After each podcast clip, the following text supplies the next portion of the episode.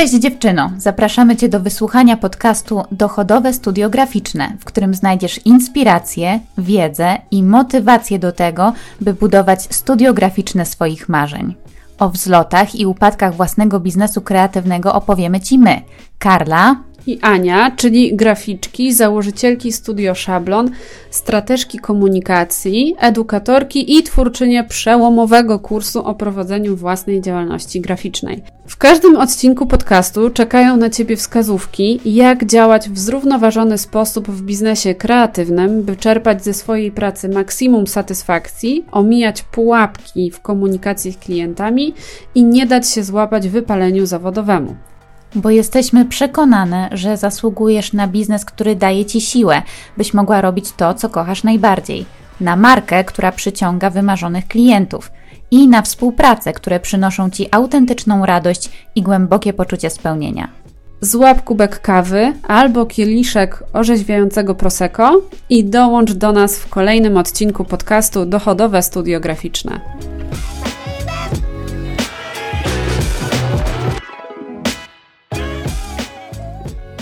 Halo, halo, dzień dobry bardzo. Witamy Was serdecznie w kolejnym odcinku podcastu Dochodowe Studio Graficzne. Z tej strony Karla i Ania. Być może odsłuchałaś poprzedni odcinek i zauważyłaś, że zdecydowanie jesteśmy zwolenniczkami zrównoważonego rozwoju studiograficznego i w związku z tym bardzo się cieszymy, że współcześnie obserwujemy takie odejście od czegoś, co no, jeszcze kilka lat temu było bardzo popularne jako sposób prowadzenia działalności i nazywamy to sobie hustle culture, czyli im więcej, w im większej liczbie obszarów, tym lepiej. Tak, tak, na pewno y, przyczyniła się do tego pandemia, tak myślę. W tą pandemię to po prostu winimy za wszystko, słuchajcie, za wszystkie zmiany, ale chyba faktycznie coś w tym jest, no bo to był taki, taki moment, kiedy zaczęły nas bombardować oferty z, ze świata online. Wszystko zaczęło przenosić się do tego mm, online'u. Wszystkie biznesy, y, które tylko mogły, to starały się tam pokierować do tej przestrzeni. No i efekt był taki, że rzeczywiście tych ofert odnośnie, nie wiem, jakichś kursów, szkoleń, warsztatów online'owych y, wtedy pojawiło się bardzo, bardzo, bardzo dużo. I rzeczywiście był taki moment, że byliśmy bombardowani reklamami, E, mailami, no po prostu z każdej strony. No ale no właśnie, jak wiadomo, jak to, jak to zazwyczaj bywa, ten cykl w końcu się zakończył, to znaczy po prostu na, nastąpił taki moment przesycenia, wysycenia rynku tymi ofertami i potem zaczęło się to spokojnie, spokojnie wyciszać i no i właśnie, chyba teraz jesteśmy już w takim momencie, że mm, mamy odwrót zupełnie, idziemy teraz w przeciwnym kierunku, prawda? Tak, tak, właśnie ta pandemia wydarzyła się w takim momencie, że te wszystkie oferty padły na bardzo podatny grunt, bo taki, takie właśnie podejście do pracy ciężej, mocniej, o coraz większe pieniądze, no to to jest taka kultura pracy, która od dawna y, się utrzymywała, taki syndrom kapitalizmu, prawda, że nie wiemy w zasadzie ile tych pieniędzy potrzebujemy, byleby więcej, byleby osiągać kolejne szczeble. No i po tym pandemicznym takim wybuchu widać, że wszystkim się już to serdecznie przejadło. Na rynek wchodzi też pokolenie Z, które zdecydowanie jest anti-hustle, mm. tak, tak nam się wydaje przynajmniej. I bardzo się cieszymy, że te zmiany zachodzą, ponieważ one mają naprawdę dobry wpływ na naszą codzienność. Tak, bardzo dużo przecież teraz mówi się na przykład o zdrowiu psychicznym, o wypaleniu zawodowym. Dzięki temu, że zmienia się sposób podejścia do pracy i e, że teraz jest dużo większa elastyczność, jeśli chodzi też o godziny pracy i miejsce pracy, bo przecież dużo ludzi pracuje w domu nadal. No to, to, nasze, to nasze podejście do, do stylu pracy e, zaczyna się, zaczyna się zmieniać. I myślę, że też dużo łatwiej jest nam zauważyć e, te syndromy, tak? E, jakieś takie czerwone flagi, e, jakieś sygnały ostrzegawcze, że coś tutaj zaczyna się właśnie dziać z tym naszym zdrowiem psychicznym, z, ze sposobem, w jaki odpoczywamy, że jest za dużo stresu, za duże tempo na co dzień. No, jakby zaczę zaczęliśmy, myślę, że tak globalnie bardziej wszyscy zwracać na to uwagę. I bardzo fajnie, dopóki nie przesadzamy w drugą stronę, bo oczywiście każdemu należy się odpoczynek, każdemu należy się właśnie ten zrównoważony sposób działania, e, ale zauważamy też, że czasem to idzie za daleko i w efekcie spodziewamy się jakichś takich szybkich, fajnych wyników w momencie, kiedy wkładamy pracy mało, za mało, niewystarczająco długo pracujemy nad czymś, a już myślimy, że no jak to, dlaczego, dlaczego to się jeszcze nie wydarzyło? Przecież, przecież ja już pracowałam nad tym, już przecież poświęciłam temu tyle czasu. Tak, spodziewamy się takich szybkich efektów, że, że, to, że to się wydarzy po prostu niemalże w pięć minut. Szybkich prawda? i dużych. Szybkich i dużych. E, no właśnie, ale czemu tak się dzieje? Pewnie też dlatego, że często um, widzimy takie reklamy z hasłami na przykład takimi, że możesz zarobić 100 tysięcy. Milion od razu. Milion. Milion w rok. Idziemy po milion. Ciach prach. I gotowe. Po czym siadasz i ciach prach, ciach prach i Miliona kilka, nie ma. ledwie kilka tysięcy na koncie i zaczynasz się zastanawiać, no to jak to zrobić? Przecież ja nie chcę harować jak wół i słusznie, popieramy, no ale też z drugiej strony y, gdzieś trzeba wyrabiać w sobie taką odporność i konsekwencje w działaniu.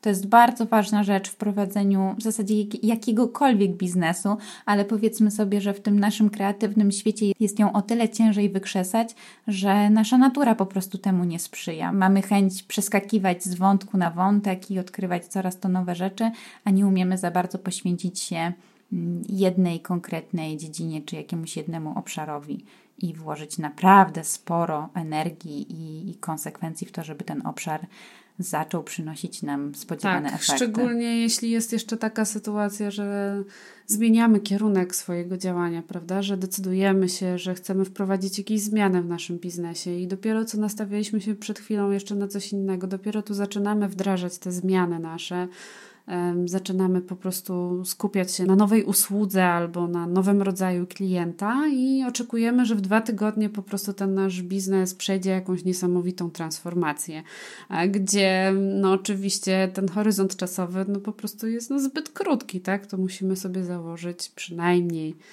te kilka miesięcy, pół roku, że te zmiany będą widoczne jakkolwiek, tak?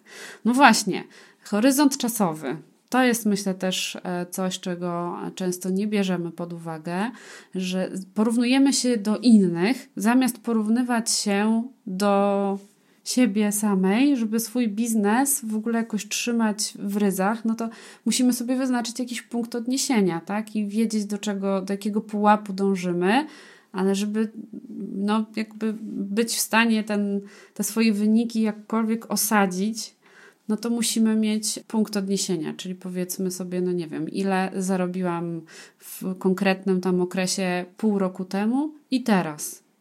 A nie, że wprowadzam sobie tutaj zmiany w moim biznesie i o, no chyba, chyba mi nie idzie zbyt dobrze. No ale właściwie na jakiej podstawie to oceniamy? Jeżeli nie mamy tych konkretnych cyferek, no to, czy nie wiem, może cyferek albo statystyki jakiś, mm -hmm, tak, z mm -hmm. jakiegoś programu, no to mogą, mogą być statystyki, nie wiem, odnośnie liczby zapisanych osób do newslettera na przykład, tak, równie dobrze.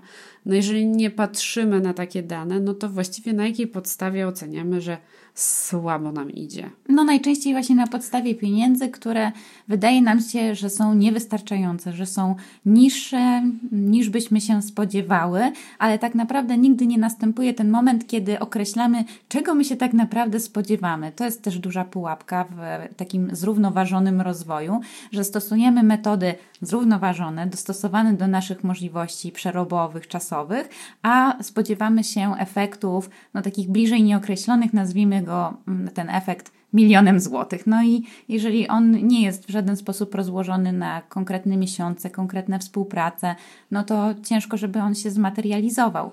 Ale też, powiedzmy sobie jasno, zarobienie miliona złotych nie jest takie proste, tak czy inaczej.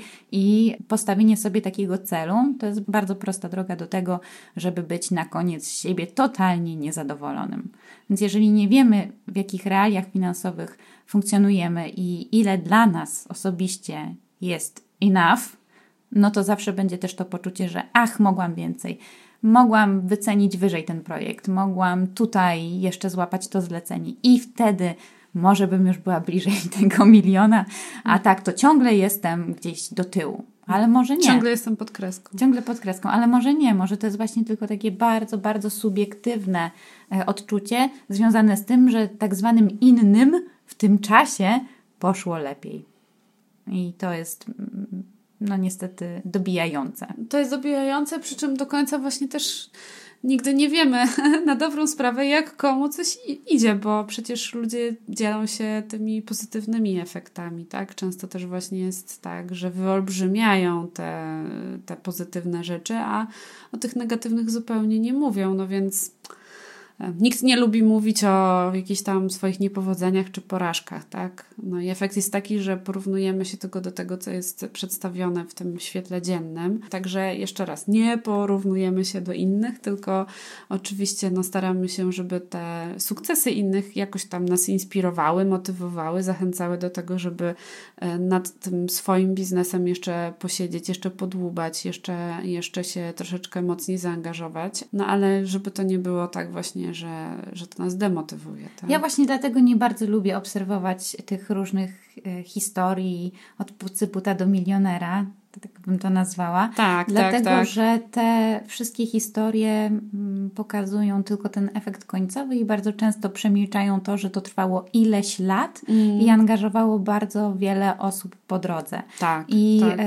takim jakby kluczem do tego sukcesu Czasem jest po prostu szczęście, a czasem w większości przypadków to jest właśnie ta wytrwała praca, bardzo konsekwentna, niezrażanie się i, i szukanie ciągle jakichś rozwiązań dla siebie.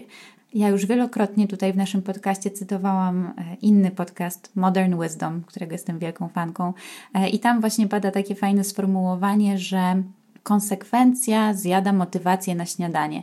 Czyli jak my mamy taki zapał, jesteśmy tacy zmotywowani, tak o, teraz rozpocznę działania nad czymś, to niestety ta motywacja szybko nas spala i się kończy. Natomiast konsekwencja, właśnie taki drill do działania, to jest to, co utrzymuje nas długofalowo i przewyższa absolutnie tę taką chwilową motywację, ten taki zapał nagły do pracy, e, kiedy widzimy, że komuś się powiodło, to teraz, och, ja też jestem zmotywowana tą historią. No, do czasu pierwszych niepowodzeń, do czasu pierwszych jakichś tam fakapów.